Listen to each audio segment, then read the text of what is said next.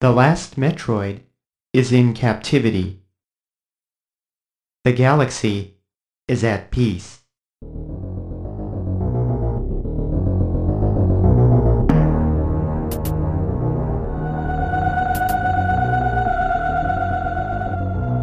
Welkom bij de aller, aller, aller, aller, aller, aller, allereerste Club Buttonbashers. Club Buttonbashers nummer 1 is dat dan, eh, Niels?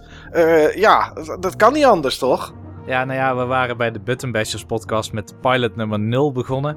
Maar Oh ja. hier hebben we denk ik eh, al, al betere ideeën bij wat het gaat worden. Minder grote zoektocht naar wat de vorm gaat zijn.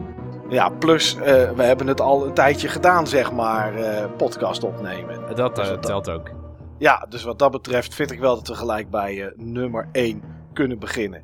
Ja, voor iedereen die luistert, leuk dat je ons gevonden hebt. Eh, het, het kan zijn dat je ons gevonden hebt via de andere podcast, Niels, waar wij eh, in zitten samen met nog, eh, met nog een compaan. Dat is gewoon eh, de Buttonbashers podcast. Maar ja, wij hebben met z'n tweeën een, ja, een, een side podcast. Ik ga het geen podcast je noemen, want dit wordt natuurlijk super groot. Dat kan natuurlijk niet anders. Eh, tenminste, dat, dat hopen we in ieder geval. Wat is het Niels? Wat is Club Buttonbashers? Club Buttonbashers is een soort ja, boekenclub, zeg maar, maar dan voor videogames. Dus we, er zijn bepaalde games die misschien meerdere mensen aanspreken. En met meerdere mensen bedoel ik letterlijk jij en ik in dit geval. Ja, Eh, dus wij stemmen met z'n tweeën een game af. Die gaan we gedurende een maand spelen. Waardoor we daarna er een inhoudelijke discussie over kunnen hebben. en het mooie is, en daarom hebben we ook het woordje club toegevoegd, dat eigenlijk iedereen mee kan doen. Eh, vandaar dat jij het ook inderdaad al vergeleken met een soort van boekenclub. Ehm, ja, op het forum maken we per game het, eh, een, een, een topic aan, zodat mensen mee kunnen praten. ehm, zodat mensen misschien mee kunnen spelen ook, als ze de game nog nooit gespeeld hebben. En we hadden ooit zo'n topic en dat heette Klassiek Fantastiek. Nou ja, goed. eh wil niet zeggen dat wij altijd klassiek doen. Eh, dat is maar een beetje hoe het, eh, hoe het ons uitkomt. Of als er een game uitkomt die we beide interessant vinden om het daarover te hebben, dan gaan we dat doen. Eh, maar ja, dus voor elke, elke podcast, voor elke game is er een topic op het forum. En eh, nou, ik moet zeggen, Niels, het valt mij niet tegen hoeveel mensen met ons meegespeeld hebben eigenlijk. Nee, er zijn inderdaad een paar mensen, sommige mensen die het al wel eens eerder hebben gespeeld, maar niet zo heel ver zijn gekomen. Sommige mensen, daar komen we zo wel op terug, die spelen het alsof het nog een NES-game is. ja, Met inderdaad. bepaalde missende convenience functies. Ja, En sommige mensen, en die spelen het en die snappen nu waarom Super Metroid een klassieker wordt genoemd. Ja, inderdaad. Want ehm, eh, had jij de game vroeger als kind, Niels? Want jij had een Super Nintendo. Ik had geen Super Nintendo. Maar had jij de game? Nee, ik had de game niet. Ehm, ik heb Metroid altijd een klein beetje vermeden, zeg maar. Ik, ik had zo'n NES Action Pack vroeger en op de achterkant, daar stonden plaatjes op. Screenshots van verschillende games die uit waren voor de NES. Ja, En ehm, daar stond ook Metroid op. En ik vond er dat heel donker uitzien. Niet naar mijn smaak, zeg maar. Ik wil liever Super Mario Bros. 2 kleurrijk, grote knollen uit de grond trekken en tegen vogels aan gooien. dat zijn mijn soort Ja. spellen in die tijd.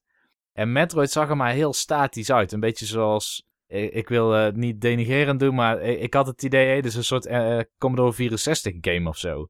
ja, snap ik wel. Ja, nou ja, dat, dat, ja dat, ik begrijp dat gevoel wel inderdaad. Als je alleen een screenshot ziet. ehm, ja, in die tijd konden we lastig trailers bekijken op internet. Want dan had het misschien heel anders geweest. Maar ja, het is natuurlijk als je screenshots ziet. Ja, het, achtergronden zijn vaak donker.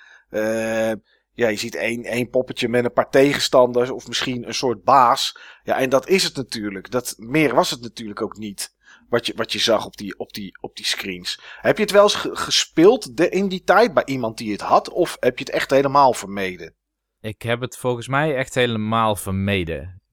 Hmm, Ik kan niet herinneren dat ik het in die tijd ook bij iemand anders heb gezien. Nee, mijn ontmoeting met de Metroid franchise was eigenlijk Metroid Prime op de Gamecube.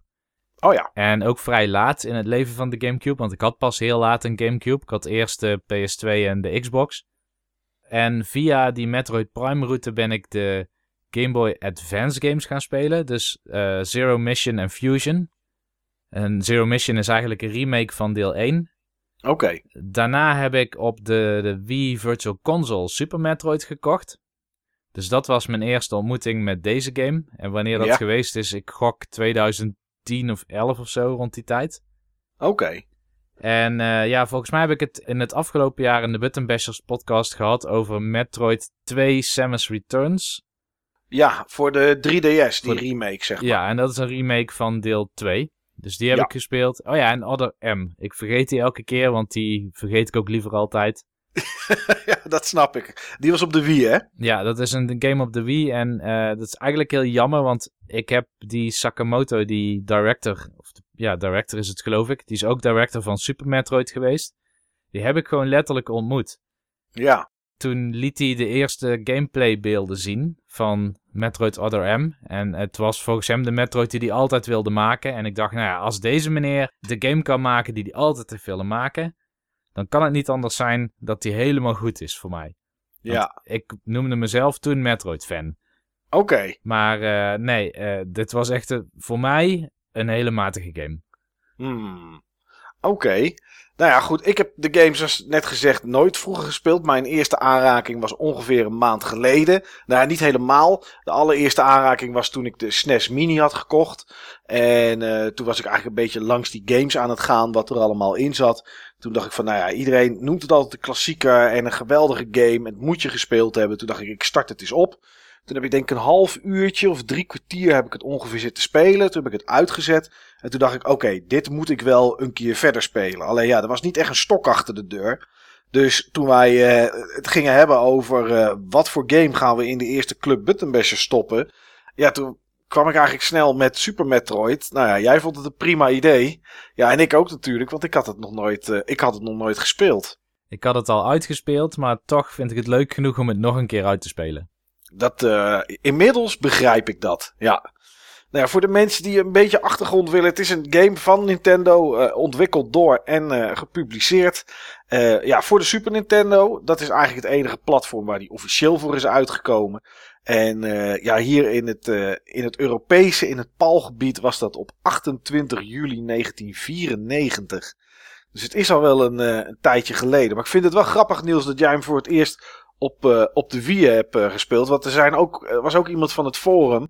Die had inderdaad voor het eerst ook pas deze game gespeeld. Maar dan op de, dan op de Wii U, als ik het, eh, als ik het goed heb. Hm. Dus je bent daar niet, je bent daar niet de enige in die, die de game een tijdje heeft, heeft laten liggen. Voordat hij eraan begon. Nee, en het rare is ook, dit zijn wel klassiekers. Ze worden elke keer klassiekers genoemd. Maar de Wii Virtual Console versie was voor het eerst in 13 jaar of zo, denk ik, dat mensen die, die game konden spelen. En de game was volgens mij vroeger niet een super succes of, of een mega hit qua verkoopcijfers. Ja. Het, het is vooral een critical darling geweest. En het heeft heel lang geduurd voordat het dan echt bij het grotere publiek uit kon komen. Want het kwam volgens mij ook eigenlijk vrij laat in die SNES-generatie uit. Ja, ja, nou ja, 94. Dus dat ging, eh, dat ging wel. eh, ging wel een beetje richting, eh, richting het einde natuurlijk, inderdaad. Dus het was een wat latere game, ja, dat klopt. Ehm, hoe heb je hem nu gespeeld? Weer op de Wii? Nee, ik heb hem nu op de SNES Mini gespeeld. Oké, oké. En heb je hem gewoon. wat SNES Mini kan natuurlijk save states maken. Heb je, heb je dat gebruikt of heb je echt alleen maar de in-game save optie gebruikt? Eigenlijk een combinatie van beide. Dus ik heb zowel de in-game save optie gebruikt als de save states. Ja, De save states bij de SNES Mini, die overschrijf ik soms per ongeluk. Ik let dan gewoon niet op. Je moet, eh, Nee. je moet ze unlocken met de 4 druktoets. En dan moet je I ingedrukt houden om te saven. Maar als je dan bijvoorbeeld per ongeluk A indrukt, ja. dan kan het zijn dat je je oude save game opstart. Oh, opstart ook echt. Ja, Hmm. dus eh, ik save sowieso in-game. En eh, ik doe als extraatje dan een save state maken. Maar ik heb volgens mij nooit de save state ook ingeladen. Dat is meer een... eh, ja, voor de veiligheid. ja, voor de veiligheid. Oh ja, oké. Nee, ik heb de game gespeeld op een eh, emulator. En ehm, ja, dat was een beetje tergend, moet ik zeggen. Ehm, want ik ben daardoor drie keer opnieuw moeten beginnen. En ehm, ja, ik heb het gespeeld met, met RetroArch. Dat is eh, zo'n verzamelschil, zeg maar, om diverse emulatoren heen. En dat kan enorm veel. En dat is heel prettig. Want eh, wat jij net beschrijft, daar heb je met RetroArch heb je daar geen last van. Eh, als je een save state maakt. Ehm, maar je moet wel, en ik weet niet of dat bij alle games zo is, maar in ieder geval bij Super Metroid moet je wel netjes, ook al heb je gesaved, netjes de game afsluiten. En ik denk ook de emulator zelf. Want als je dat niet doet, dan uh, ja, dat doet die save game het op een of andere manier niet. En uh, ja, het nadeel is dat ik het, uh, dat terwijl ik het aan het spelen was, ik wel eens op een verkeerde knop op mijn controller drukte. En ik dan terugging uit de emulator en niet meer terug kon. Dus die was dan een soort van afgesloten. En dan was ik weer al mijn progressie kwijt. Dus zodoende ben ik drie keer opnieuw begonnen. Maar uh, ja, ik moet wel zeggen, als je ooit eens een keer iets wil emuleren en je hebt de kans om RetroArch te gebruiken. Ik heb namelijk wel een keer gehad dat ik per ongeluk een save state maakte. Te, uh, over een save state heen die ik eigenlijk in wilde laden. En toen dacht ik van, oké, nu baal ik wel gigantisch. Want nu ben ik, nu heb ik dus eigenlijk eh, op de verkeerde plek heb ik soort van gesaved. Over mijn save game heen. Je kan iets van, nou ik weet niet, in ieder geval 10 save states maken. Maar je moet wel zelf kiezen welk slot je daarvoor neemt. Maar je, er zit dus een knopje in en die heet undo save state. En dat is, uh, dat is erg handig. Uh, en ook undo uh, save, state, state loading. En dat soort dingen allemaal. Dus als je een save state maakt die over een bestaande heen gaat. En je denkt, oké, dit had ik niet willen doen. Dan kan je terug. En dat heeft mij, wel, heeft mij wel twee keer gered, moet ik zeggen. Dus ja, ik, uh, ik heb een hoop het begin van de game gespeeld. Uh, dat heb ik nou, in, in mijn leven nu vier keer gezien. Eén keer op de, op de SNES Mini en nou ja, drie keer op deze manier. Maar ik moet zeggen, als je weet waar je naartoe moet en waar vijanden zitten, dan kom je ook vrij snel wel weer op het punt waar je was.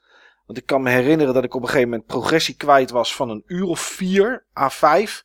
En daar was ik daarna binnen een uurtje was ik daar weer, omdat ik precies wist waar alles zat. Dus dat is wel, uh, ja, dat is wel prettig. Je hebt uh, eigenlijk het begin van de game vaker gespeeld dan ik. Ja, ja, daar komt het wel op neer. En ik ben pas een maand geleden begonnen. Ja. Ja. Nou goed, uh, ja, de game, uh, als je hem opstart, en dat is het eerste waar we het toch even over moeten hebben, Niels. Ik, ik heb, zoals gezegd, nooit de Super Nintendo gehad. Uh, ik vond het eigenlijk een beetje on-Nintendo's hoe de game begint. Het is het donkere, donker beeld. Je hoort ja, wat geluid en een beetje bliepjes.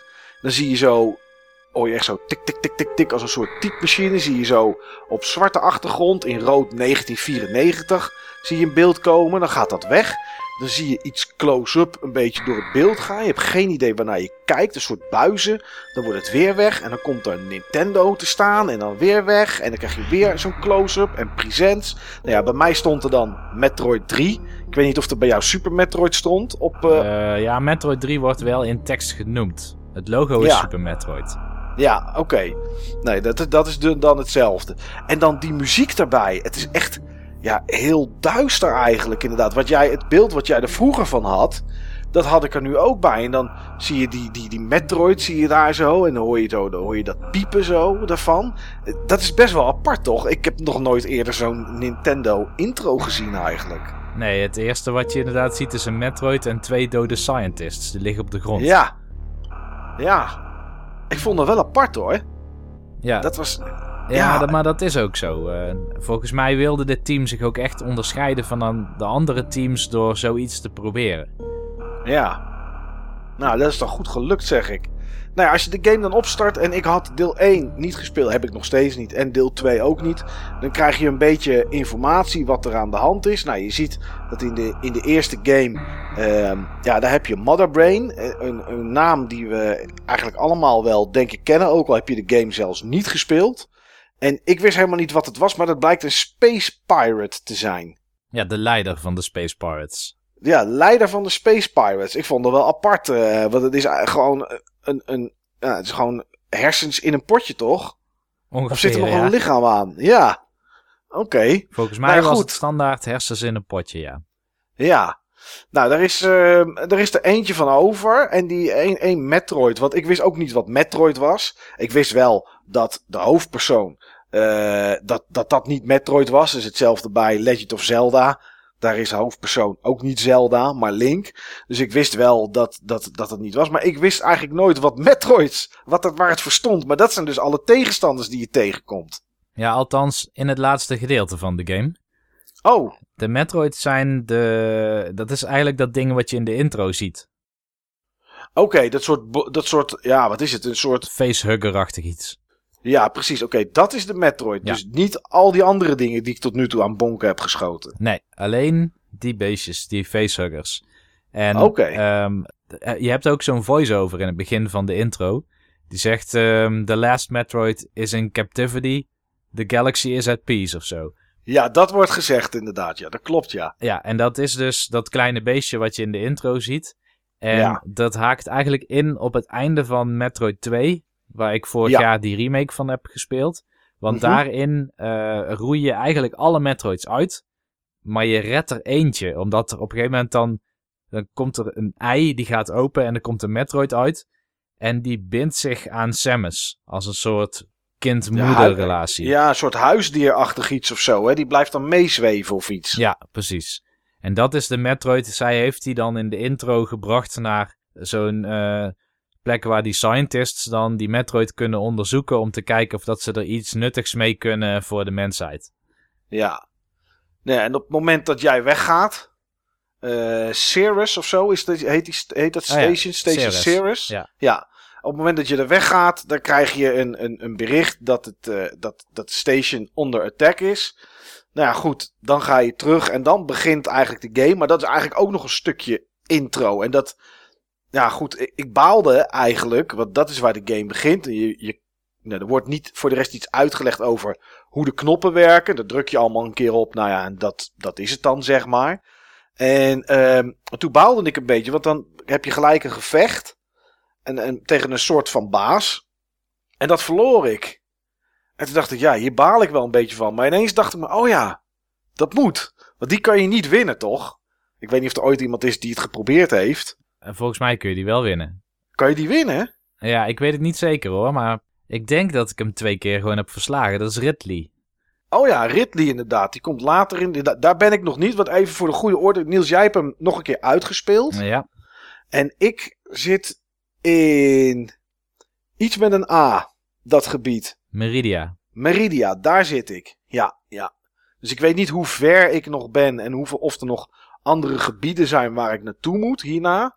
Maar eh, volgens mij moet ik daar, daar moet ik nog de baas verslaan. En ik moet nog de baas verslaan in Norfair. Ja, Ja. in Norfair heet het. Alleen daar kan ik nu nog niet naartoe. Heb ik wel geprobeerd. Maar daar kan ik nog niet bij, denk ik. Ja, en dan vermoed ik. Maar goed, dat is, vermoed ik dat ik dan terug moet naar een of ander standbeeld. wat ik in het begin tegenkwam. En waar ik heel veel bommen bij heb gelegd. En waar er helemaal niets gebeurde. Eh, en, maar ik denk dat ik ze daar dan moet afleveren. Want dat lukte ook met die, die eerste baas. Nou ja, dan zal het wel nog één gevecht zijn en klaar. Althans, dat is wat ik vermoed. Ja, of, dat ja. zo, of dat zo is, weet ik niet. Maar dat is in ieder geval waar ik gebleven ben. Nou, Ridley is in ieder geval ook een van die bazen.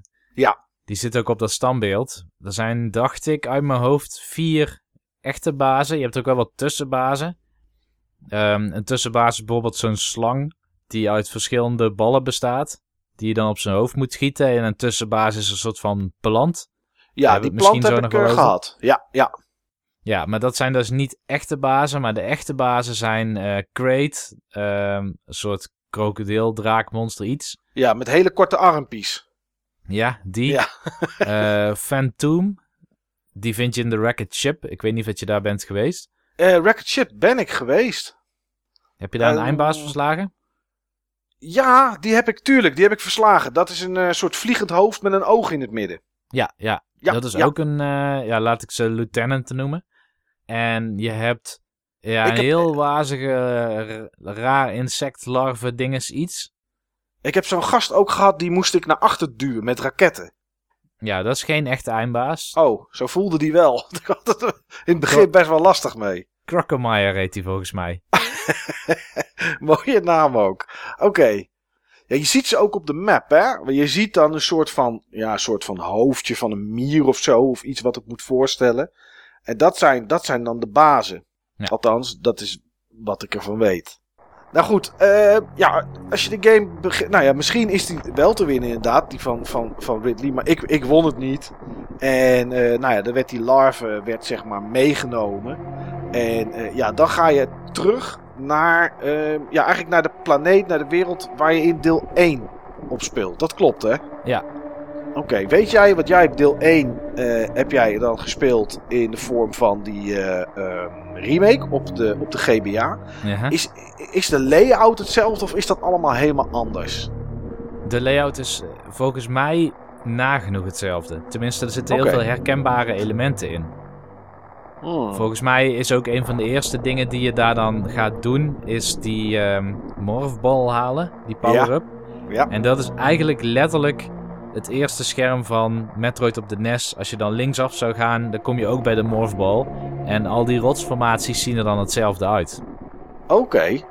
Hmm. En ook, eh, je komt vrij snel door wat eigenlijk het laatste stuk van Metroid op de NES is. En, en Zero Mission. Eigenlijk waar je dan Mother Brain verslaat. Dat is eigenlijk praktisch de intro nog van deze game. Van Super Metroid. Oké. Ah, dat is wel grappig. Dus voor mij was het echt een herkenning. Ja, dat begrijp ik. Ja, nee, dat had ik natuurlijk, had ik natuurlijk niet. Maar als ik ooit een keer misschien die op de GBA ga spelen. Want als ik het zo hoor, kan ik misschien beter die van de NES overslaan. En dan, wat was het? Fusion of was het Zero?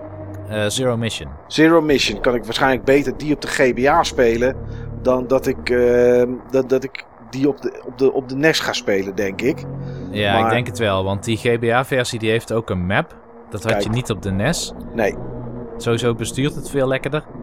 Maar je hebt denk ik ook wat extra gebieden. Of misschien mogelijkheden om tussen gebieden te reizen. Ah, oké. Oké, dat is wel, eh, dat is, dat is wel mooi. Ehm, ja, laten we maar bij het begin beginnen. Eh, Niels, de controls. Laten we het daar eens over hebben. Voordat we over level layout en, en, en Mhm. dat soort dingen gaan hebben. Hoe, hoe, ja, hoe, hoe vind jij ze nu? Hoe vond je ze de eerste keer dat je de game speelde? Eh, ik kan me herinneren dat ik in het begin de game wat lastig vond spelen. Ja, Eh, Samus springt vrij floaty. ja. En Nou, minder is- floaty nog dan op de NES. Dat is precies wat ik hier heb staan ook. Ik, heb, ik, ik noemde het gameplay, maar het is eigenlijk het springen. Is wat floaty, heb ik ook gewoon letterlijk staan in mijn, in mijn aantekeningen. Ja. En ik vind het als je gewoon springt zonder dat je naar links of naar rechts loopt. Dan springt ze zeg maar zonder een koprol te maken. Dan vind ik het nog wel redelijk te doen om in de lucht bij te sturen. Maar zodra je naar links doet of naar rechts en springt en ze gaat rollen in de lucht. Wat, blijkt, wat wel heel erg nodig is dat je dat, dat, je dat doet op bepaalde punten. ehm, dan vind ik het soms moeilijk om, om, ja, om precies te landen waar ik wil. Ja, klopt. En dit is een van de weinige spellen waarin je inderdaad, wanneer je bijvoorbeeld, ik noem maar wat, naar rechts springt, dat je nog steeds naar links in de lucht kan bewegen. Ja, Dat is eigenlijk wat er gebeurt. Alleen het is vrij lastig met de controls die je nu hebt. Om dan precies op bijvoorbeeld een heel dun platformpje te landen. Want je landt er dan, of je vliegt er dan weer net links naast of net rechts naast. ja, Daar had ik zelfs gedurende het hele spel nog last van. ja, ja, dat is echt lastig onder de knie te krijgen. Een ander ding dat ik echt heel, heel lastig onder de knie krijg, heb, nog steeds eigenlijk, is, ehm, is zodra je op een gegeven moment verder in de game bent, dan krijg je eh, eh, power-ups. En een van die power-ups op een gegeven moment is dat je kan slingeren aan het plafond. Oh ja, de grapple beam. De grapple beam. Die vind ik ook niet zo prettig werken, moet ik zeggen. Nee, nee, de grapple beam is... Ja, je, je- je kan eigenlijk of recht naar voren of omhoog of naar achteren bijvoorbeeld schieten. Of diagonaal en dat doe ik dan met L en R. Ja, ik ook. dan snap je meteen eh, de goede diagonaal in. In plaats van dat je net omhoog te veel ingedrukt houdt, waardoor je eh, omhoog grappelt. En weet je, meestal vond ik het wel goed te doen. Vooral als je eh, een plafond hebt wat alleen maar van die grapple points heeft. Dan Ja, kun je eigenlijk vrij snel in een ritme met je vingers over de knoppen gaan. En ja, dat gaat dan niet heel snel. Dan ga je steeds één steentje verder of zo, maar dan kom je er wel. Maar je hebt ook een kamer. En dan moet je letterlijk je vastgrijpen aan één steentje. En dan moet je zwieren. En als een acrobaat moet je je dan eh, ja, een andere kant van het level opslingeren. En dan maar hopen dat je met je grapple beam weer één blokje ergens raakt. Ja. Ja, dat vind ik wel echt heel lastig. En dan zijn er ook nog blokjes die vergaan. Uh, de Ja. meeste die blijven gewoon bestaan. Maar er zijn blokjes die vergaan. Dus dan kan je geloof ik, nou volgens mij zes keer heen en weer slingeren. En het zal op tijd gaan. Maar eh, voor het idee zes keer heen en weer slingeren volgens mij. En dan is die weg. Dan val je naar beneden. Ja, dat is wel lastig moet ik zeggen hoor. Ik, ik moet ook eerlijk zeggen dat ondanks dat ik hem nog niet uitgespeeld heb. Er zijn gebieden waar ik me zeg maar doorheen gebroed forst heb. Dat ik dacht van oké, ik val naar beneden. Ik kan terug. Maar ik heb nog best wel wat leven. Weet je, ik ren gewoon door over deze, over deze spikes heen. Ja, en dan, manier. eh, ja, en dan zie ik zo meteen het einde wel. Want er zijn nog wel een paar van die dingetjes die ik aan de besturing wel hinderlijk vind. En je leert er, je leert er wel mee omgaan. Maar er is één, één kamer. Misschien zijn er meerdere. Maar er is één kamer. dat- Als ik daar weer doorheen moet, denk ik, oh, verschrikkelijk. En het is een kamer waar planten onder in de grond zitten. En als je daarin valt, dan gaan ze op je kauwen. En dan zie je ook die mond zo dicht gaan. En ik probeer daar dan zo snel mogelijk uit te springen. Want er komen ook nog tegenstanders van links of van rechts. Maar je kan helemaal niks op dat moment. Je moet wachten tot hij klaar is met kauwen. Dat hij zeg maar zijn mond leeg gegeten heeft. En dan pas kan je eruit springen. Maar dat is... Oh man, dat is wel frustrerend hoor. Dat soort... eh, Ik weet precies welke kamer je bedoelt. Ja, er zijn inderdaad een paar kamers. Dus die slingerkamer, die vind ik lastig. Die kamer die je nu noemt met die planten. Ja, Die vleesetende planten. En wat ik zelf ook een hele lastige kamer vond. ehm, maar op een gegeven moment dan krijg je er wel een oplossing voor richting het einde van het spel. Maar dat is een kamer en daar eh, valt zand uit het plafond. oh super hinderlijk. Ja, dan moet je eigenlijk een soort momentum met je sprong krijgen. Nog voordat je het zand inspringt, zeg maar. Je moet het zien als een soort wa- waterval met zand. Ja, En overal waar zand valt, daar haal je misschien een vijfde van de hoogte van je normale sprong nog maar. ja, als je bovenop staat zeg maar op het zand. Want je zakt er ook heel snel weer in weg. Dus Ja. gisteravond was ik daar en ik zat gewoon met mijn analoge stick. Zat ik gewoon heen en weer te rammen. En ik zat maar te, te, te drukken op de springknop. Net zolang totdat, totdat een keertje eh, dat ik de lucht in ging. En ik denk, dan stuur ik in de lucht wel bij. Ja, heel hinderlijk is dat ook inderdaad. Ja, dat is echt een lastig, eh, een lastig iets. Als je de game zou moeten beschrijven gewoon qua wat het is. Dan zou je eigenlijk zeggen het is een Metroidvania. Maar tenminste, dat denk ik. Of dat vind ik in ieder geval wel. Maar wat, wat is dat als je dat naar deze game kijkt Niels? Een Metroidvania. En Volgens mij betekent Metroidvania dat je een spel speelt waarin je eh, eigenlijk een grote wereld hebt, maar je hebt nog niet de skills of de abilities als karakter om in die wereld alle plekken te kunnen bereiken. Nee. Eh, dus dan kun je denken aan, ehm, aan, aan, ik noem maar wat, van die gekleurde keys bij Doom. Ja. Bij Doom heb je ook een soort gewoon grote wereld waarin je in bepaalde volgorde stukken van die wereld openmaakt. Alleen hier is het minder een soort van sleutel of een objectje en het is meer een ability die je erbij krijgt als speler. Die je niet alleen kan gebruiken om verder te komen, maar ook kan gebruiken om bijvoorbeeld eh, vijanden af te maken of om power-ups te vinden. Ja. Ja, want je gaat eigenlijk een kant op. Ehm, je hebt 1, 2, 3, 4, 5. Denk ik. Vijf gebieden waar je in terecht komt. Zoiets. Als je de vier gebieden onder de grond neemt en dan de wrecked ship. Zit je dan op vijf of misschien zes? Nou, misschien ben ik ergens nog niet Zes, geweest. eh, zit je dan denk ik. Zes, ja. En eigenlijk, eh, maar dat weet je aan het begin nog niet. Dus je begint gewoon in het eerste gebied. En op een gegeven moment zie je deuren waar je nog niet in kan. Dan denk je, nou, misschien komt dat straks. En gaandeweg, tenminste dat had ik, maar dat heeft iedereen natuurlijk gehad. Gaandeweg speel je en op een gegeven moment heb je, eh, heb je een map. Krijg je een map van het gebied. Eh, om dat gelijk maar beet te pakken. De map van het gebied is eigenlijk niet de map van het gebied. Want er zitten nog zoveel gangetjes, deurtjes en dat soort dingen extra die niet op die map staan. Dat is echt ongelooflijk, hè? Er zit zo, volgens, nou, er zit zoveel extra's in. Dat is niet normaal. Ja. Ja, En het is ook heel gevarieerd waar je doorheen komt. Zeker, ja, de gebieden zijn super gevarieerd. Maar goed, dan krijg je de map en dan zie je dat er ergens een uitgang is naar een ander, andere omgeving. En eigenlijk speel je dan door en dan kom je in die andere omgeving. En daar vind je dan op een gegeven moment een power-up waarmee je een deur kan openen die in het eerste gebied zit. Maar ja, je gaat, tenminste, ik ging niet gelijk terug, want ja, ik ging eigenlijk doorspelen. En op een gegeven moment zit je in het derde gebied. En dan krijg je er weer een power-up bij. De, allereerste was de morfbal. En daarna kreeg je, uh, kreeg je bommen kreeg, kreeg ik erbij. Maar die kan je dan ook weer in het eerste gebied gebruiken om andere dingen op te zoeken. En soms moet dat ook. Want daar liggen soms ook power-ups die je weer nodig hebt voor het derde gebied. En, en, en zo word je eigenlijk heen en weer gepingpongd, toch? Ja, en wat ik zo cool vind aan de manier waarop Super Metroid dat doet. Want er zijn wel meer games die zich Metroid-achtig laten noemen. Of Metroidvania-achtig. Maar ik denk dat Super Metroid nog altijd iets beter doet dan bijna of misschien wel alle andere games. En dat is, je wordt als speler heel erg op je nieuwsgierigheid aangesproken. Ja. Dus als je in het begin, het, eh, je, je opent gewoon uh, door, uh, ja, op, op die, die planeet, Zebes, Zebes, Zeeps, ik weet niet hoe je het uitspreekt. Ja, Zeeps denk ik. Maar de, je opent eigenlijk in een soort van ja, storm waarin jij landt met je ruimteschip en Samus komt eruit. En dan, dan is er niks. Er is geen richting die wordt aangegeven. Je kan naar rechts of je kan naar links. Nou, je, naar rechts kom je er vrij snel achter dat je een bepaalde muur niet overeen kan komen. Dus dan ga je maar naar links. En als je dan naar links gaat, dan zie je inderdaad soms gangetjes, maar die zijn te klein voor jou om doorheen te kruipen. Ja. Maar je onthoudt ze wel. En dan loop je gewoon verder en dan zie je een blauwe deur. Nou, die kun je openmaken, want als je erop schiet, dan gaat die open. Dat is fijn. Maar dan kom je in één keer een gele deur tegen. En ja. dan schiet je op en die gaat niet open. Nee, dat klopt.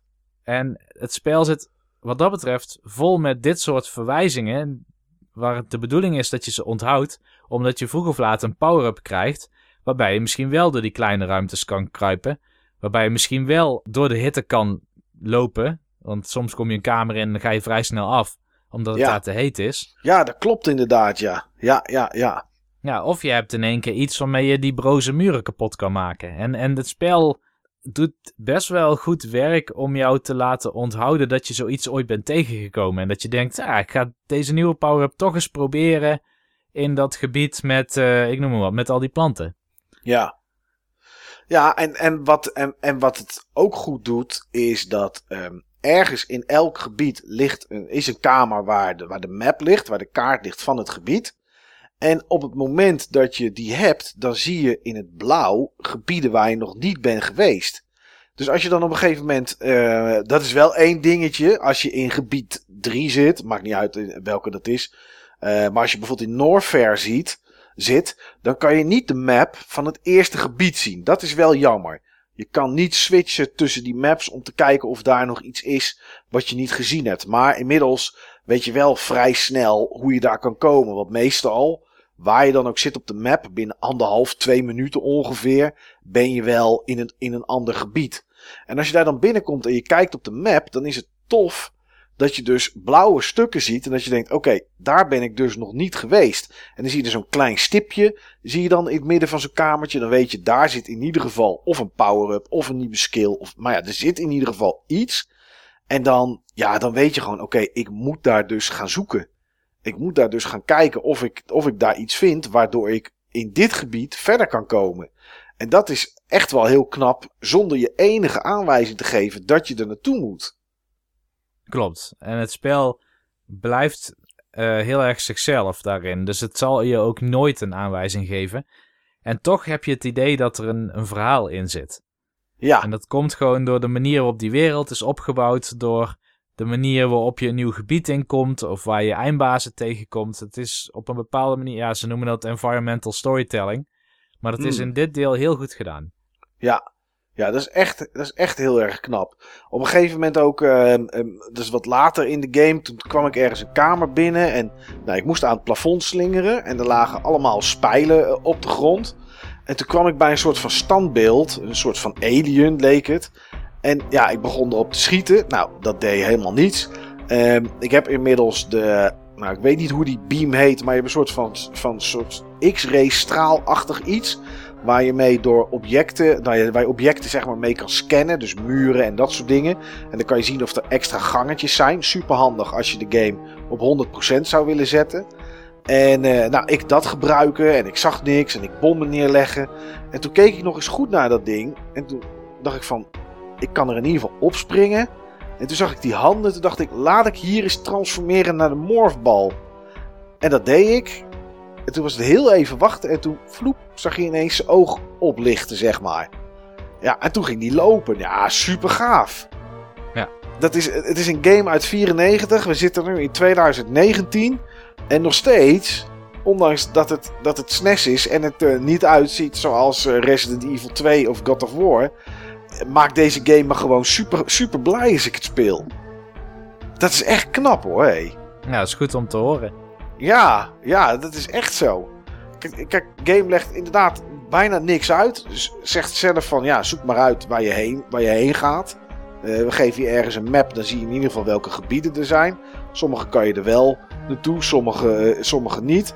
En het geeft, gaf mij wel af en toe het gevoel daardoor dat ik, en dat ongetwijfeld, ik heb het nog niet uitgespeeld, maar ongetwijfeld dat, dat, dat ik dat gedaan heb, dat je dingen vergeet of overslaat.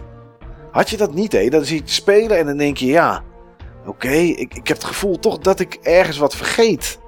Ja, zeker wel. En eh, toen ik het spel uitspeelde, ik weet niet meer welke eindtijd ik had. Het was Iets van zes uur volgens mij. oh, zes uur en een paar minuten inderdaad. Dus het was best wel snel. ja, Ehm, maar ehm, ik was maar 62% van de items tegengekomen. ja, En jij noemde net die X-ray. ja, Maar dat is een item, dat kun je ook missen. Dat is geen verplicht item. klopt. Klopt, die hoef je niet te halen. Maar ja, ik was toch aan het kijken waar ik naartoe moest. En eh, nou ja, dus die had ik wel gevonden. En eh, nou ja, ik gebruik hem wel af en toe. Ondanks dat ik zoiets heb van ja, ik hoef hem eigenlijk niet op 100% te zetten. Maar ja, toch. Toch heb ik wel zoiets van ja, misschien. Ik wil toch eigenlijk wel alles collecten. Dus wat dat betreft doet die game dat wel heel erg goed. Ja, ik keek vandaag nog een filmpje van Super Metroid. En ik zag twee dingen die ik niet heb gezien in mijn vorige playthrough. Hmm, Eén ding was een enorme muur waar je kennelijk doorheen kon lopen. En dat had je gezien als je die X-ray scanner had gehad. Oké. En het andere was een. Ja, je, je- krijgt op een gegeven moment een soort van speed boots of zo. Je, je kan Ja, heel klopt. hard rennen. Ja, als je B ingedrukt houdt, dan, dan, dan ga je rennen en dan krijg je zo'n soort blauwe gloed om je heen. Ja. En dan vlieg je als een malle door het level heen. En later dan leer je dan dat je, als je dan op naar beneden zou drukken, dan kun je ook nog eens super hoog springen. Ja. En eh, er zijn twee plekken in het spel waar je dat ook echt nodig hebt, waar je verder moet komen. Maar er zijn ook plekken waar je het eigenlijk niet nodig hebt. En dan kun je gewoon ergens door een plafond heen springen. En er zitten dan weer een paar power-ups. Die heb ik ook allemaal gemist. Ja. Ja, ik heb, ik heb hem nog niet, tot nu toe nog niet hoeven gebruiken, zeg maar. Ik heb hem wel geleerd. Want ik heb hem wel, eh, ik, ik heb wel het beestje gezien dat hem je leert, zeg maar. En dat is wel grappig. De game legt niet zoveel uit. Behalve als je een power-up krijgt, zeggen ze hoe je hem kan gebruiken. Ze zeggen niet waar die voor is.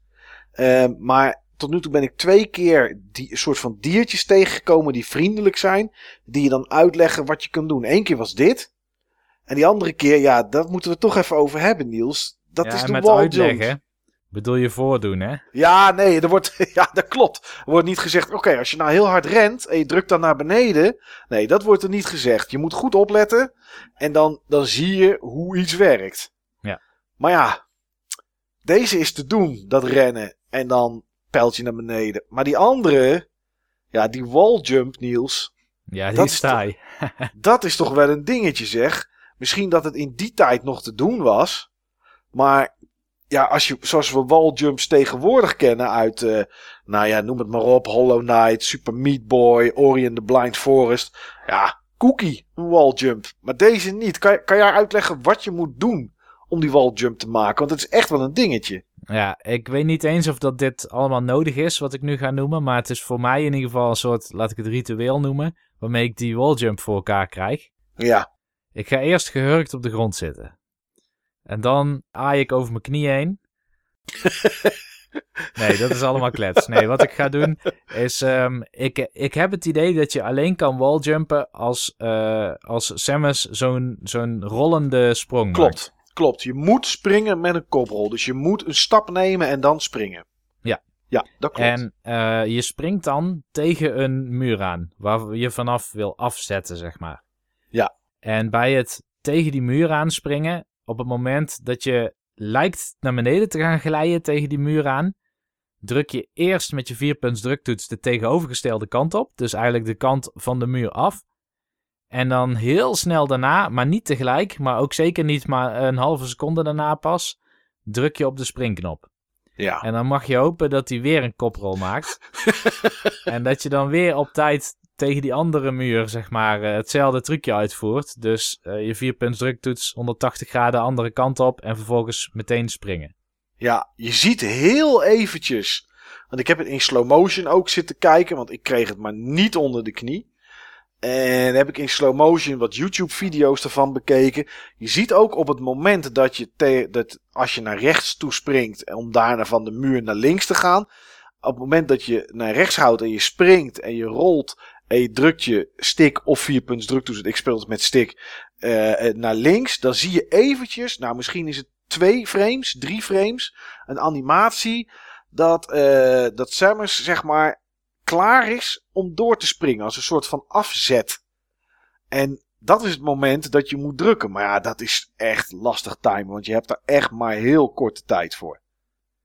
Ik heb wel mensen gezien die echt briljant konden walljumpen. En ik denk ook, ik heb nog nooit een speedrun gezien van deze game. Die heb ik eigenlijk altijd vermeden. Maar ik denk nu, als er ergens een keer een event komt, dat ik hem zeker ga bekijken. Want ik ben wel erg benieuwd uh, uh, hoe, hoe ze het doen. Maar er zijn mensen die gaan gewoon bij een muur staan. En die hebben gewoon maar één muur nodig.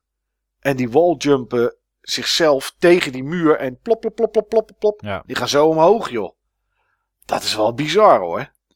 Ja, wat ik wel een beetje kan, maar ook niet zo heel erg goed als mensen die speedrunnen, is met van die bommetjes als je een bal bent. Oh, dat dan... vind ik ook zo lastig. Ja, daar zit een bepaalde timing achter. Dus je moet eigenlijk een bommetje neerzetten, nog één. En dan, dan word je door het eerste bommetje gelanceerd. Dan zet je een bommetje in de lucht. En op het moment dat je dan weer valt, dan land je op de explosie van de vorige bom die je neer hebt gezet. Dus dan word je weer omhoog ge geschoten. Ja. En er zit een soort van cadans in, die je op een gegeven moment gewoon in je vingers hebt. En dan kun je ook langs muren omhoog of zo, gewoon puur in morphball Maar je hebt dadelijk nog een power-up, die heb jij nog niet. Nee. Maar er zit ook wel weer zo'n timing ding in. Maar die heb je Oh. wel vrij snel door. Oké. Ja. ja, dat is wel... eh, ja, dat is wel een dingetje, moet ik zeggen. En dit soort dingen zijn allemaal verbeterd trouwens in de volgende Metroid games. Dus in de Game Boy Advance games zijn eigenlijk de controls al een stukje beter. En in die 3DS game van, eh, die ik vorig jaar heb gespeeld, Ja, daarin was eigenlijk, ja, die controls die zijn echt zo fijn en vloeiend. oké, oké. Dat is... eh, En, ja. En dat is heel belangrijk, eh, wat ik ehm, nu irritant vond bij deze Metroid, omdat ik beter gewend was, was eigenlijk die map. Oh, Want die map laat niet zien waar de deuren zitten. Dus soms denk je dat je ergens doorheen zou moeten kunnen. Maar dan Ja, zijn het zo. aangrenzende gebieden. nou dat is sowieso wel een dingetje met die map. Want je ziet blokjes van een kamer. En daar zit dan weer een andere kamer tegenaan. En daar zitten dan lijntjes tussen. Dat kan betekenen of er zit een muur waar je niet doorheen kan. Of er zit een deur. Maar het kan ook betekenen dat het een soort, eh, nou ja, laten we het maar schuifdeur noemen, eh, is. Die maar van één kant beschoten kan worden om hem te openen. Ja. En dat is wel irritant, want dat weet je gewoon soms niet. En dan loop je denk je van, oké, ik moet terug. Nou, dit is de kortste route. Ja, loop je tegen een deur aan of tegen een muur aan waar je niet doorheen kan. Ja, dat is wel hinderlijk inderdaad. Maar dat is dus ook, dat, dat was dus een dingetje wat jou nu tegenstond, eh Niels. Ja, dat. En nog één ding. eh, dat was namelijk, je ziet op de map niet of je de power-up al opgepakt hebt. Nee, je ziet alleen een blokje. En ja, weet je, is de kamer roze, dan ben ik er geweest, dan denk ik dat ik hem heb gehad. Maar dat hoeft niet. Nee. Nee. Er is nog één ander ding waar ik me wel een beetje aan stoor. En eh, dat zal waarschijnlijk een, een, een, een technisch dingetje zijn. Dat is, het is niet bij alles, maar het gros wel. Alles wat binnen jouw scherm beweegt, beweegt niet als het uit jouw scherm is. Oh, ik weet wat je bedoelt. Snap je wat je bedoelt? Ja, ja, soms, soms heb je enemies die bijvoorbeeld vliegen. En ehm eh, nou, dan zie je er een, dan schiet je erop, dan vliegen ze boven het beeld uit. En als jij niet springt, of als jij daar niet naartoe gaat, of wat dan ook, blijven ze eigenlijk op datzelfde stukje hangen als waar ze geëindigd zijn. Ja. En dat, dat is wel eens irritant, want dan vliegt er boven iets heen en weer. Dan val je naar beneden en denk je, oké, dan schiet ik gewoon naar boven. En dan kan jij wel naar boven schieten, maar de, die enemy beweegt gewoon niet. Maar ook liftjes. Het, is, het zijn niet alleen tegenstanders, ook een liftje bijvoorbeeld kan dat ook hebben. Dat vond ik wel irritant. Ja, als je bijvoorbeeld uh, health aan het farmen bent. Uh, Ja. Wat ik wel eens doe bij save points in de buurt of zo. Je Ja, dan heb je van die dingetjes, van die, van die, van die, van die soort groene eh, ja, modderpoel, noem het maar zeg maar. En daar komen dan zo, floep, komen vijf eh, tegenstandertjes uit. Die kan je kapot schieten. Dan kan je prima farmen inderdaad. Ja, daar kun je prima farmen. En als je die niet hebt, wat ik bijvoorbeeld bij Brinstar wel eens deed, dan heb je van die kleine beestjes en die kruipen zeg maar om een, om een platformpje heen. Ja, ja. En ehm, soms dan is het platformpje zo groot dat een deel eigenlijk uit het scherm steekt. En dan heb ik hem net twee keer geraakt. Maar je moet eigenlijk een beestje drie keer raken voordat hij pas kapot is. En dat je misschien een raket krijgt of wat dan ook. En dan denk je van ja, kom maar jongen, kom maar. Kom maar, kom maar, kom maar. Want dan heb je R al ingedrukt. Dan sta je al diagonaal te mikken. Ja. Maar die komt niet Komt hij nooit meer? Nee. Nee. Ja, dat klopt inderdaad. Dat is wel, eh, ja, dat is wel een dingetje. Ja, misschien dat het iets technisch was, dat het op de SNES dat het lastig ging of wat dan ook. Ik weet het niet, maar eh, ja, dat is wel, eh, dat is, het is wel een dingetje inderdaad, ja. Eh, zullen we eens kijken, want we hebben zelf nog wel, vast wel verhalen, maar ja, onze forumleden ook. Dus dan Ja. komen we daar vast wel, vast wel op. Ik vond het leuk om te zien dat mensen meegespeeld hebben. Dus iedereen die meegespeeld heeft en die nu luistert, eh, ja, bedankt. Want dat maakt het voor ons ook wel leuk, moet ik zeggen. Ehm, ik ben gewoon vanaf bovenaf aan. Ik heb van iedereen heb ik, eh, heb ik, eh, die meegedaan heeft wat, wat quotes en wat dingetjes neergezet. En de eerste is Factix. En die zegt Metroidvania's zijn misschien wel mijn favoriete genre. En Super Metroid grijpt de essentie daar echt van. Hoe verdwaald je soms kan raken en hoe graag je dan ook wil stoppen, is het echt waard om door te gaan met deze game. Al vind je dan uiteindelijk wel een nieuwe upgrade of dat soort dingen, dan is het geweldig om allerlei nieuwe delen van de map te ontdekken. En de atmosfeer in de game maakt het dan wel echt af. Ja, dat is. Niels, hoe goed is dat, hé? Want jij zei het net al, dat elk gebied zijn eigen gezicht heeft, maar ook zijn eigen muziek, zijn eigen tegenstanders. Dat is echt briljant. Ja, het, eh, het maakt alle gebieden ook herkenbaar. En het zijn ook vaak gebieden die eh, in meerdere Metroids terugkomen. Oké. Eh, tuurlijk, Metroid 1 zat ook Norfair en zo in. Ja. Maar het heeft gewoon een bepaalde herkenbaarheid die het ook echt Metroid maakt. Want in, in andere games die niet op eh Zibus, zeg maar, laten we het zo maar noemen, zich afspelen, zitten ook dit soort gebieden in dan? Jawel, die zitten er ook wel in. Bijvoorbeeld Metroid Prime 3. Mhm. Dat is wel echt een soort buitenbeentje. Metroid Prime 1 en 2. Metroid Prime 1 is sowieso gewoon Super Metroid in 3D, basically. Ja. Ehm, en heel goed gedaan. Eh, Metroid Prime 2 is eh, een hardcore versie van eh, Metroid Prime 1. Met een wat beperkter gebied. Met een soort light world en een dark world. Oké. Heel gaaf gedaan. Maar Metroid Prime 3, daar waren de ambities misschien een beetje te, te niet Metroid. Ik denk dat ze een soort van Halo envy hadden. Dus er moesten meer karakters in en er moesten meer dialogen in en zo. Eh, maar dan ga je ook naar allerlei verschillende gebieden. Maar je hebt nog steeds bijvoorbeeld een vulkaangebied. Wat Norfair-achtig is. En wat nog steeds Metroid-achtig klinkt. Met Metroid-achtige beestjes erin. Oké. Oké, oké. Dat is wel cool. Oké, dus dat kom je dan... Het is een beetje zoals de onderwaterwereld bij Mario, zeg maar. Ja. Elke game heeft hem. En her- herkenbaar. En er is altijd wel iets met, eh, met, met wolken en altijd met dansende paddenstoelen. Alleen, alleen, ja, alleen hoe het eruit ziet, zeg maar. Dat is, dan, eh, dat is dan weer anders. Metroid Prime 3 trouwens, dat was niet voor de Cube, toch? Nee, was voor de Wii, hè? klopt ja. Oké, oké. Eh, Factix heeft de game uitgespeeld en zegt: Ja, ja, ik heb het uitgespeeld en wat een game. Soms raak je wel even iets te veel verdwaald. Sommige bazen zijn net even iets te moeilijk. Maar verder is het echt een fenomenale game. Ben je dat met hem eens, Niels? Dat sommige bazen wat te moeilijk zijn? Of viel je dat wel mee? Eh, ik vond het eigenlijk wel meevallen. Volgens mij ben ik bij twee bazen een keer af geweest. Ja.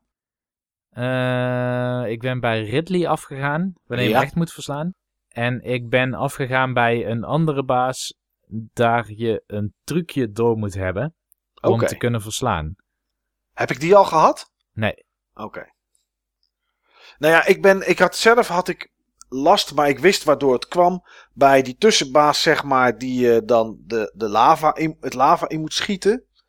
En, eh, maar dat kwam puur omdat ik te weinig geëxplored had. En daarom had ik maar vijf super missiles. En dat was eigenlijk wat te weinig. Want die deden de meeste damage, zeg maar, om het zo te noemen. Ja, als hij Ehm, zijn mond open doet inderdaad en je schiet precies. een missile erin, dan loopt hij misschien anderhalve meter achteruit. Maar als je een supermissile inschiet, dan loopt hij vier meter achteruit. Ja, ja. En hij moet best een stuk achteruit. wil je hem erin krijgen. Dus op een gegeven moment had ik er 15. Nou ja, toen had ik er geloof ik 10 nodig of zo, geloof ik dat het was. En, ehm, en toen, was het, toen was het klaar. Dus ja, en eh, nou ja, die, die plantbaas waar we het net in het begin, eh, waar jij eh, die je aanhaalde, die vond ik niet zo moeilijk. Ehm, die soort grote groene krokodil met die korte armpies. Ja, daar ben ik misschien twee of drie keer afgegaan. Omdat ik gewoon door moest hebben hoe ik hem moest verslaan, zeg maar. ja, ja. Misschien als ik het nu zou doen dat het sneller zou gaan, dat weet ik niet. Maar ik vond die ook tot nu toe nog niet zo, eh, nog niet zo moeilijk. Dus, maar goed, ja, goed. Wat voor de een makkelijk is, is voor de ander, is de ander lastig. En je moet natuurlijk maar net het systeem doorkrijgen. Dat is natuurlijk, dat is de truc natuurlijk. Je moet even zien hoe het in elkaar steekt. Want die ghost op die wreck ship, wat jij zei, die schiet natuurlijk allemaal blauwe ballen. En die kan je niet kapot schieten totdat ze één keer op de grond gestuiterd zijn en ze in een soort oog veranderen. En dan kan je ze wel kapot schieten. Ja, dat kostte me toch even twee keer voordat ik dat door had, zeg maar. Eh, Tom op het forum, die zegt: Ik speelde deze game voor het eerst in 2013 ergens, denk ik. Eh, bij de allereerste keer spelen kon het spel hem niet bekoren. Ik had er zoveel over gehoord, maar het sloeg gewoon niet aan. Ik vond het spel flink vervelend, doordat je steeds moest backtracken en het lopen door de poortjes zorgde voor een hele kleine pauze in de game. Twee dingen waar ik mij best aan kon ergeren. Toen. Ik besloot niet meer te spelen en het spel weer verkocht. Een jaar later kocht hij hem weer. Omdat het toch echt zo'n goede game moest zijn. Had hij opnieuw diezelfde ergernissen. Dus toen zaten we al in 2014. Wederom verkocht. Totdat ik het spel weer opnieuw kocht. En ineens snapte ik het. Al die ergernissen waren nu verdwenen. En ik zag de bedoeling van de makers. Het spel is fantastisch. Haast pure perfectie. Alles klopt. Geweldig verhaal, prachtige sfeer, super controls. Het spel heb ik dus een jaar of twintig na de release voor het eerst gespeeld en was niet gelijk liefde op het eerste gezicht. Ik kan zeggen, nu zeggen dat Super Metroid in mijn top 5 games alle tijden staat. Geen slechte prestatie, denk ik zo. Eh, nu ben ik even, heb ik even niet jouw lijstje van beste games ooit op mijn netvlies, eh, Niels. Maar stond Super Metroid daarin? Die stond daarin. Ik pak hem even bij.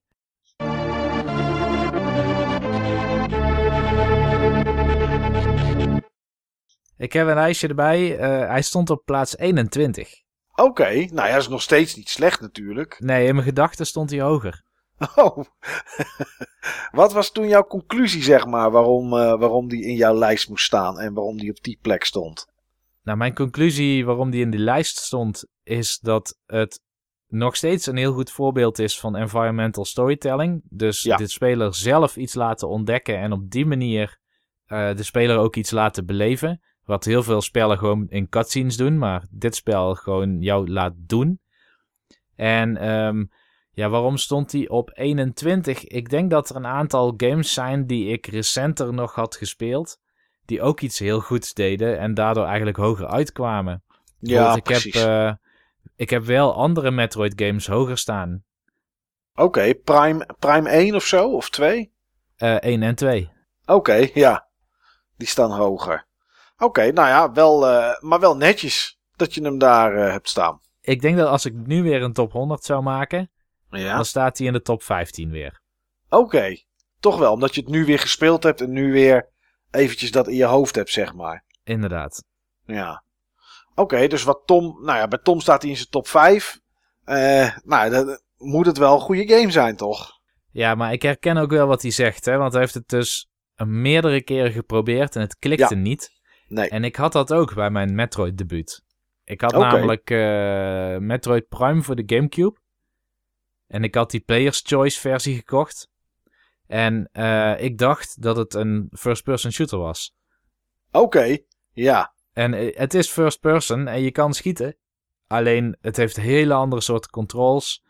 Je hebt helemaal niet een lineair level om doorheen te rennen. Het is net als Super Metroid dat je een power-up krijgt en weer terug moet.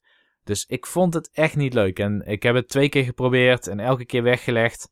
En toen reed ik terug naar huis van, van, eh, van school met een klasgenoot van mij. Ja. En die vertelde dat Metroid Prime zijn beste game alle tijden was. ik zei, nou, ik heb hem gespeeld. Bij mij eh, is het het net niet. Nee. Eh, en toen vertelde hij, hij zei, ja, maar je, je benadert waarschijnlijk de game verkeerd. Ja. Het is geen first-person shooter. Je moet het niet zien als een first-person shooter. Je moet het eerder zien als een soort van Zelda-game. Waarin je bijvoorbeeld eh, de Pegasus Boots of zo ergens haalt. Waardoor je weer in een ander deel van de overworld eh, ergens heel snel doorheen kan rennen. Door een moeras of zo. Dus je moet het zien als het zoeken van power-ups om meer van de wereld te kunnen exploren. ja. En toen ik dat hoorde, ben ik het nog een keer gaan spelen met nieuwe verwachtingen. En toen klikte het enorm. Oké. Ja. Ja, dus het is wel herkenbaar wat Tom Ja. zegt. Ja. ik was echt iemand die heel veel Nintendo franchises leuk vond, maar Metroid absoluut niet. Die snapte ik niet. Daar vond ik helemaal niks aan. Ik vond het niet leuk uitzien. Ik vond het niet leuk spelen. Toen klikte het met Metroid Prime. En nu is het een van mijn favoriete franchises ooit. Ja. Nou, dat is wel mooi.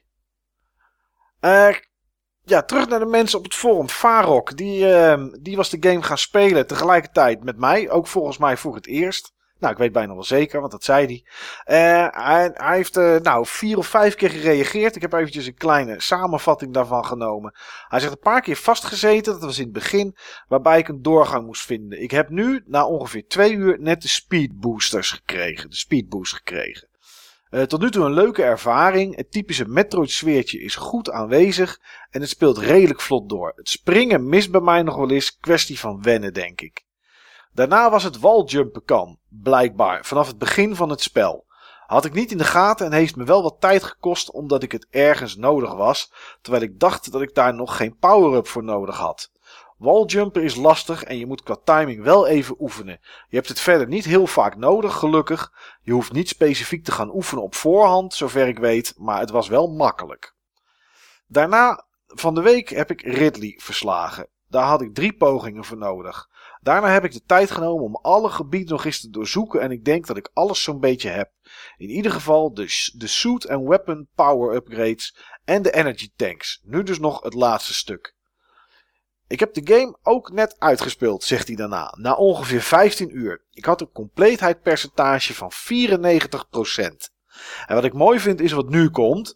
De eerste keer dat hij speelde, zei hij: Tot nu toe een leuke ervaring. Dat was het, zeg maar. En daarna zegt hij het op het moment dat hij hem uit heeft gespeeld. Erg goede game en ben blij dat ik deze eindelijk eens de aandacht heb gegeven die het verdient. Ik ben het zeker eens met de mening dat het een klassieker is. Het is gewoon nog steeds een leuke en uitdagende game die interessant blijft gedurende de playthrough. Dus vooral voor mensen die mid jaren 90 games hebben gespeeld, zal dit ongetwijfeld een van de grote titels zijn geweest. Mijn grootste kritiekpunt is toch wel het waljumpen en in iets mindere mate de space jump. Onnodige moeilijkheid naar mijn idee. Daar moest ik echt op oefenen en dat is iets wat ik vandaag de dag toch lastiger kan opbrengen dan 25 jaar geleden. Ik weet niet in hoeverre dit komt door de SNES Mini, maar gelukkig zijn er maar een paar plekken waar je het echt nodig hebt. Ja goed, waar wij het al eerder over hadden, hè, Niels, de jumps natuurlijk, die, uh, die Ja. lastig zijn. Maar ik vind het wel mooi dat hij, hij heeft het twee uur gespeeld, hij zegt tot nu toe een leuke ervaring. En aan het einde is hij toch, als je het gespeeld hebt, van mening dat het een klassieker is. Ja. Dat is wel heel erg, uh, dat is wel heel erg gaaf. Uh, Dreef had ook gereageerd en uh, die zei: Ik heb Super Metroid toevallig vorig jaar uitgespeeld. Geweldige game en een stuk toegankelijker dan Metroid op de NES, waarin je zelf echt alles uit moest zoeken. Uh, Wonderzwaan. Zelfs zonder, zonder enige nostalgie, en dat is wat ik zeg maar mee heb gemaakt, is dit een fenomenale titel. De muziek behoort, bij mijn mening, tot de hoogste regionen van videogame muziek Pantheon. Ja, Niels, ben je het daarmee eens dat dit wel tot de hoogste regionen behoort? Of is het gewoon heel goed en herkenbaar? Ja, we hebben het er eigenlijk niet over gehad, hè? Maar de muziek Nee. is niet een soort traditionele soundtrack. Je hebt geen liedjes of melodietjes. Nee, nee, nee. ik wist dat we het hierover gingen hebben, dus had ik het eerder inderdaad nog niet genoemd. Maar het, ja, het is geluid eigenlijk. Ja, het is heel erg interessant, want het is een soort ambient sound die ze hebben gesampled. En daar hebben ze dan wel een compositie van gemaakt. En er zitten ook wel echt hele gave stukken in. Ik geloof dat, ehm, ik weet niet meer of dat het dan Brindstar is, of dat gebied dat daar net boven ligt. Dat heette Turian, geloof ik. Ja, of iets met Cantina of zo, of weet ik veel wat. K- Crateria. Crateria. Nou ja, de, daar, het Criteria heeft in het begin een bepaalde dreigende muziek. En op een gegeven moment, als jij dan de, eigenlijk de core upgrade zeg maar hebt, Ja, dan heb je eigenlijk één ronde gemaakt. Dan ben je via Criteria helemaal beneden Turian, Brinstar, Norfair ben je geweest. En dan ga je op een gegeven moment omhoog. En dan kom je terug en dan is het een hele andere muziek. ja. Eh, die is inderdaad heel tof, maar er is een soort muziek en dat- daar klinken een soort van trommeltjes of zo in. En die vind ik heel gaaf. Oké.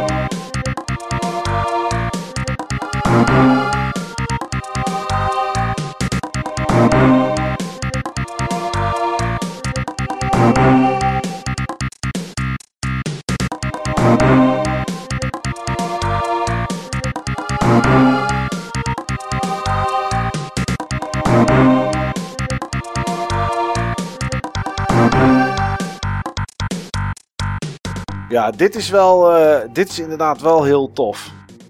Maar als je inderdaad een stukje verderop, dan is het, er zit wel iets van een beat iets in, maar soms is het ook weg. En dan is het, ja, geluiden en zo. Ja, dat is wel, het is wel heel apart, moet ik zeggen, deze muziek. Ja. Maar zou je ze als Wonderzwaan het in de hoogste regionen plaatsen? Nou, voor mij persoonlijk niet. Ik denk de Metroid Prime muziek wel. Eh, maar Super Metroid is voor mij iets te abstract. Ik vind het wel voor de SNES muziek echt heel tof. Ja, zeker. Want SNES is natuurlijk allemaal gesampled. En vaak lage kwaliteit samples, omdat je geheugen wilde overhouden voor andere dingen. Ja, En dan hebben ze hier toch met een aantal effecten en, en, en eigenlijk vrij realistische samples die ze dan vervolgens gebruiken in een compositie, hebben ze wel iets neergezet wat heel herkenbaar Metroid ook weer is. Ja, ja, dat zeker. Ehm, elke kamer in het spel is uniek, zegt hij, waardoor ze makkelijk te onthouden zijn, gecombineerd met gedetailleerde artstijl voelt de wereld hierdoor veel echter. Nou ja, goed, we hadden het net al dat ik één kamer beschreef met die planten en jij precies wist welke het was. Dus daar heeft hij wel, eh, daar heeft hij wel een punt inderdaad. Super Metroid is een van de mooiste spellen uit het 16-bit tijdperk, met een heel andere sfeer dan andere visuele pareltjes als Donkey Kong Country, Yoshi's Island en F-Zero. De sfeer is duister, oppressief, mysterieus en kil. Ook 25 jaar aan technologische vooruitgang later blijft dit het centrale gevoel dat Super Metroid overtuigend overbrengt. Ja, dat was wat ik natuurlijk had, zeg maar. Dat, van, hij startte het de eerste keer zeg maar echt op nu. Die keer op de SNES Mini ja, was gewoon even snel kijken. En ja, nu was het toch wel, ik dacht van oké, als ik eens goed naar die intro kijk en die geluiden en zo, is het allemaal wel, wel duister inderdaad. Dat is wel, eh, ja, dat is wel mooi. En mij grijpt het ook nog, ook al heb ik het twee keer uitgespeeld. Ja, toch wel. Elke keer als je het opstart, dan denk je, dan, dan pakt het je weer die muziek. Ja, en Ja. omdat je niet de hele wereld nog in je hoofd hebt. Maar ja, bij mij zat er natuurlijk ook een stuk of negen jaar tussen of zo, tussen mijn vorige playthrough en nu. Ja. Ehm, elke kamer is toch weer heel interessant. Als je het voor het eerst meemaakt en voor het eerst weer probeert om er doorheen te navigeren. Ja, je hebt ook niet het gevoel dat de, de kamer waar je in komt een, een kopietje is van de vorige. Nee, Dat is wel heel erg goed. Eh, Finger die, eh, was ook aan de game begonnen en zegt en uitgespeeld. Blijft toch een erg fijne game. Als ik een minpunt op zou moeten no- noemen, dan is dat toch wel dat het soms erg onduidelijk is wat je moet doen. Ondanks dat ik hem al eens eerder heb uitgespeeld, heb ik toch tweemaal op, op moeten zoeken hoe ik uit een bepaalde kamer moest komen. Verder weer heerlijk genoten, een tijdloze klassieker die met recht, die met recht nog steeds als blauwdruk geldt voor de huidige games in het genre. Heerlijke, mysterieuze sfeer en het gevoel dat je krijgt bij elke upgrade die je ontvangt, waarbij je opeens denkt: oh, nu kan ik daar ook weer verder komen. De muziek die de sfeer alleen al versterkt en Samus die gewoon lekker onder de knoppen ligt. Wat ik als groot pluspunt van deze game vind, is dat je ook steeds beter wordt. De eerste walljump die je probeert is altijd even lastig, maar zodra je het ritme te pakken hebt, dan vlieg je als een aap door de levels. En dit geldt voor meerdere skills die je gewoon eerst even moet leren voordat je ze goed kunt toepassen. Nou, ik ga wel als een aap door de levels, maar dat komt bij mij, dat komt bij mij niet, niet door uh, het ritme van de walljump. Het is eerder als een soort gorilla, zeg maar, waar ik het over had. Die soort brute force. Ja, je bent natuurlijk uh, altijd strategisch aan het damage boosten. ja, zo goed ben ik al na die paar uren. Ja. Nou ja, paar uur. Ik weet niet hoeveel ik erin heb gestoken, maar er zit inmiddels best wel wat tijd in. Uh, Dr. Dips, de ene laatste, die uh, beschouwt zichzelf als groot Metroid-fan. Maar toen die, moest ik wel om lachen. Uh, de eerste keer dat hij ermee in aanraking kwam, toen zocht hij eigenlijk een uh, goedkoop spel. Was hij bij de Bart Smit en daar lag Metroid Prime voor 20 euro. Hij zegt, ik sprak het zelfs toen nog uit als Metroid. Nou, dat, dat is wel mooi natuurlijk. Maar inmiddels weet hij denk ik wel dat het Metroid is. En hij zegt, als je gelijk met deze game kan, als, je het, als je gelijk begint met deze game, dan kan het backtracken soms wat vervelend aanvoelen, denk ik. Echter, ik was dit gewend van de Prime Games en daar was die wereld zo mooi dat ik het zelden erg vond. Bovenop, daarbovenop kom je dan ook niet koud in het, in het upgrade mechanic. Wat voor mij persoonlijk altijd weer voor die berg enthousiasme zorgde om door te spelen. Want je had altijd wel ergens die plek waar je nog niet heen kon springen of die groene deur die je al vijf keer had gezien maar niet open kreeg. Hup, daarheen en kijken wat erachter zit. De boss battles zijn ook lekker gevarieerd. Die mini crate, die al groter was dan de NES-versie, vond ik een leuke grap. Nou, ik snap hem niet, jij denk ik wel. Ja, dat is dus die Crocomire. Oh, dat is die... Uh, ja, Waar jij ja, die met supermissiles voor ging halen. Precies, oh, die. Het einde is natuurlijk ook geniaal voor een game uit die tijd. Nou ja, dat moet ik nog mee gaan maken. Goede storytelling zonder e enige tekst. Ik zeg pareltje van de hoogste plank. Als laatste uh, gekke Henkie. En gekke Henkie die heeft gedaan uh, waar, we, waar jij het begin van deze uitzending al naar hinten Niels. Hij zegt ik heb zelf de maps getekend. Nou dat is natuurlijk wel, uh, wel heel tof. Als je dat als je doet. Ik zat al twee keer een beetje klem. Eén keer was ik ver vergeten dat je een dash move hebt. Dat zal die, die, die ren optie mee bedoelen denk ik. Die, die speed boost. Een andere keer zag ik een verborgen doorgang over het hoofd. Ik ben nu ruim 3,5 uur bezig in Norfair met, het, met de Varia suit. De eerste eindbaas, hij noemt hem maar Godzilla. Maar dat is die met, uh, met, met die korte armpjes. Heb ik met mijn laatste beetje energie kunnen verslaan. Een klein stukje later zegt, zegt, zegt de gekke Henkie.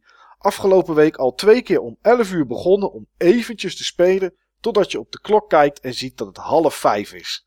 Nou goed, dan is het wel diep in de nacht. Uh, ik heb er nu ruim 19 uur in zitten. Maar ik probeer dan ook zoveel mogelijk te ontdekken. Ik vind het ook erg leuk om de kaarten te tekenen. En dat kost natuurlijk wel heel veel tijd. En wat hij gedaan heeft, is wat jij zei, Niels. Uh, als hij ergens geweest was en had de power opgepakt. Ja, dan heeft hij daar inderdaad uh, een stipje of iets bij gezet. Zodat hij weet dat hij die, dat hij die opgepakt heeft. Dus dat is wel, dat is wel netjes. Ja, dat waren de mensen van het forum. Nou ja, wat ik eerder al zei, bedankt dat jullie ook meegespeeld hebben met ons. Zeker. Dat is toch wel, dat is toch wel leuk. Dat maakt het wel een, een, mooie ervaring, moet ik zeggen. Ja, het voelt ook alsof we het samen dan aan het spelen zijn, met z'n allen. Ja, ja, en ik probeer, ik probeer dan wel wat te zeggen, maar niet te veel, omdat ik dat dan wil bewaren voor, voor hier. Maar ja, goed, dat is dan. Uh, dat is, ja, het, het, is wel leuk. Het heeft wel echt een clubjesgevoel. Dus dat is wel, dat is wel mooi. Ja, maar Mike. Ja. Je hebt het nog niet uitgespeeld. Ik heb het nog niet uitgespeeld. En ga je dat wel doen? Ja. Ja, dat heb ik wel besloten. Ik, uh, ik denk als we zo klaar zijn, dat, dat ik gewoon naar beneden ga en dat ik weer ga spelen. Want ik heb ook het gevoel dat ik uh, redelijk richting het einde zit al. Mm -hmm. ik, ik, ik moet in, moet ik even heel goed denken, ik moet in Maridia moet ik nog wel wat moet ik nog wel wat ruimtes on ontdekken, zeg maar. Daar heb ik de baas ook nog niet, ook nog niet gehad. Ik moet ook de baas in Norfair, denk ik dat het is. Klopt. Moet ik, moet ik nog hebben. Ja. En, en daarna kan ik voor mijn gevoel naar, dat, uh, naar, naar de statue. En dan kan ik daar ja, kijken wat er gebeurt als ik daar zie dat die eh, twee delen oplichten, zeg maar. Dus ja, ik wil dit wel uitspelen. Want ik, ik moet heel eerlijk zeggen dat ik zat te denken: oké, ik vind dit echt een hele toffe game. Uh, we zijn nu toch aan het eind, dus dat kan ik wel zeggen. Ik vind het echt heel erg gaaf. Ik vermaak me continu ermee. Ja, ik heb er ook wel op gescholden als er met die jumps wat misging. Um, maar goed, uh, ja, oké. ik heb dan mijn save states gelukkig. Als het echt heel erg misgaat. En uh, ik schaam me er ook niet voor om te zeggen dat ik die, dat ik die gebruik. Um, maar ik vind het echt heel erg tof. En toen zat ik te denken, moet ik nou Metroid 1 gaan spelen? Want ik, ik weet namelijk niet of ik nu al, na het spelen van Super Metroid, de stap zou kunnen, CQ willen maken naar Metroid Prime. Dat heb ik wel eens gespeeld op de Cube. En misschien doordat ik deze nu gespeeld heb, ik, heb ik een beter idee, net zoals wat jij zeg maar had nieuws, van wat je mag verwachten. Ja. Maar ik weet niet of dat nu al de game voor mij is, zeg maar. Ja, dat begrijp ik wel. Ik denk wel dat, dat de feel van een 3D Metroid is nog weer anders dan van een 2D. Je bent nog meer bezig met je omgeving en nog meer bezig met kijken ja. Uh, en navigeren. Ja, ik kijk heel erg uit naar Metroid Prime 4. Ja. Ontzettend. Ik had dat niet zo, omdat, ik, omdat dit de eerste keer is dat ik echt pas iets uit deze reeks speel. Maar ik heb wel zoiets van, ja, misschien moet ik hierna...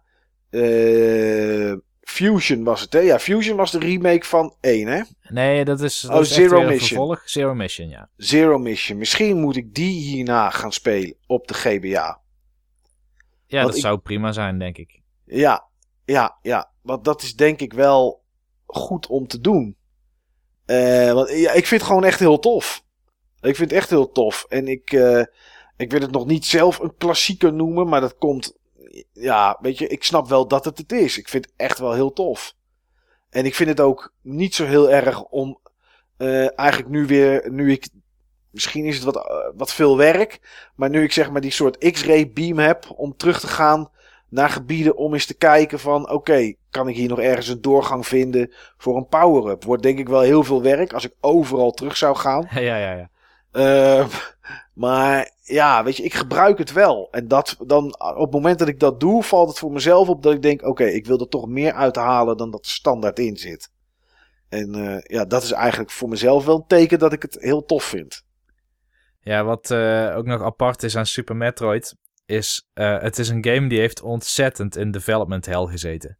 Oh ja, joh. En dat zou je niet zeggen als je het nu speelt, inderdaad. Nee. Meestal heb je bij dat soort games. Uh, toevallig is vandaag Crackdown 3 uitgekomen. Uh, die game heeft volgens mij ook in development hell gezeten. Ja, en als je daar naar de, naar de, naar de reviewcijfers kijkt. Ja, dan zie je dat ook wel, zeg maar. Ja, dan merk je het aan. Ja. Maar Super Metroid is drie keer bijna gecanceld. Drie keer, joh? Drie keer bijna gecanceld. En um, op een gegeven moment hebben ze uh, maandenlang gecrunched. En dat mensen bleven slapen op het werk en de hele nacht doortrokken. En dat andere, uh, uiteindelijk zeg maar de baas, dat was uh, Yokoi is dat, is de bedenker eigenlijk van de originele Metroid, dacht ik. Ja. Uh, die heeft hier niet direct iets mee te maken gehad. Maar die, die liet ze toch hun gang gaan. En ja, uiteindelijk is het gewoon puur als passieproject. Die, die mensen, die medewerkers van Nintendo, zeg maar, die vreesden niet eens meer voor hun baan. Daar waren ze totaal niet mee bezig. Nee. Ze geloofden zo erg in de game die ze maakten, dat ondanks alle milestones en negatieve berichten van hogeraf, bleven ze gewoon doorgaan. Oké, dat, is wel, uh, dat is wel apart zeg. En dat spreekt me ook zo aan dat Nintendo zo open is geweest om te vertellen dat ze eigenlijk Metroid Prime 3 compleet, of uh, eh, 4 compleet gaan rebooten. Omdat ze niet tevreden zijn over de kwaliteit. Nee, inderdaad. Want ik, ja, we weten niet hoe ver ze waren, maar ze, ze beginnen gewoon helemaal opnieuw. Ja, en Metroid Prime 1 had ook allerlei problemen in de ontwikkeling. Eigenlijk alle goede Metroid games zijn een development hell geweest. Dus dat zegt alleen maar goede dingen over Prime 4. Zo denk ik erover. ja, nou ik weet in ieder geval zeker dat zodra Prime 4 komt dat ik dat ga spelen. Ja, ja. Dat is, uh, dat is na, deze, na het spelen van deze game is dat wel, uh, is dat wel duidelijk geworden. Ja, nee, ja, ik, uh, nee, wat, ik, ga het, ik ga het sowieso uitspelen. Ik, eh, ik ga hier eh, nog wel eventjes een paar uurtjes insteken. Ik, ik zou het liefst nog wel wat energy tanks willen verzamelen. Eh, ik heb er nu zes, geloof ik. Nou ja, goed. eh, Ik weet niet hoeveel er in totaal zijn, maar je kan er nooit genoeg hebben. Ik weet dat er meer zijn dan wat ik nu heb. Dus eh, misschien kom ik ze nog wel organisch tegen, maar misschien moet ik er voor terug, dat weet ik niet. Maar nee, ik, ik, ga, het wel, ik ga het wel uitspelen.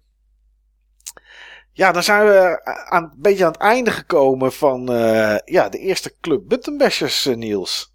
Dat was hem dan. Ja, Ja, onwennig, maar wel leuk. ja, nou ja, ik, ja, ik, ik heb eigenlijk het gevoel dat we eigenlijk helemaal niks verteld hebben. En we zijn toch al een uur en een kwartier bezig, terwijl we zoiets hadden van, we richten ons ongeveer op een uur. Maar ja, goed, dat eh, lukt niet altijd. En dat is ook helemaal voor de rest niet erg. De game wekt gewoon wat op en dan moet dat eruit. Ja, nou ja, dat is, eh, dat is denk ik gelukt. Ehm, ja, we hebben eh, eh, overlegd met z'n tweeën voor eh, Club Button Bashers 2. Welke game we daar gaan doen. En, en wat is dat geworden, Niels? Dat is geworden Grim Fandango, de Ja. LucasArts Adventure. Ja, ja, heb jij die ooit al gespeeld? Daar gaan we het in die uitzending ook nog wel over hebben. Maar even voor het idee. Ja, ik heb hem ooit gehuurd van de, van de bibliotheek volgens mij. Oké. En toen heb ik eigenlijk meer tijd besteed aan het proberen te kraken ervan dan het spelen ervan. Omdat ik hem natuurlijk langer wilde spelen dan eh, de houdbaarheid van, Ja. van het leencontract. En eh, hij sloeg het destijds niet zo heel erg aan. En toen Hmm. heb ik hem een keer in een Humble Bundle gekregen, volgens mij. eh, de remaster op PC. Ja. Dus zodoende had ik hem weer in huis. Oké, oké. Nou ja, ik heb hem, ondanks dat ik vroeger heel erg fan was van Lucas Arts Adventures, ehm, heb ik hem ook niet gespeeld. Misschien heel even, een stukje, het begin. En eh, ja, ik weet eigenlijk niet waarom. Er zijn wel meer games van Lucas Arts uit die tijd die ik eigenlijk nooit uit heb gespeeld. Bijvoorbeeld, eh, nou, kan ik niet op die naam komen, met die motor. Full Throttle. Full Throttle. Ja, precies.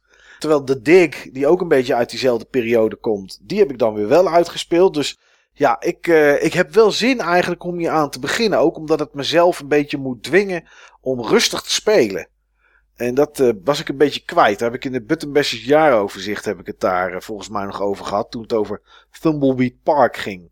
Ja, En, maar goed, dus ja, dat is de game die we, die we hierna gaan, gaan, gaan bespreken.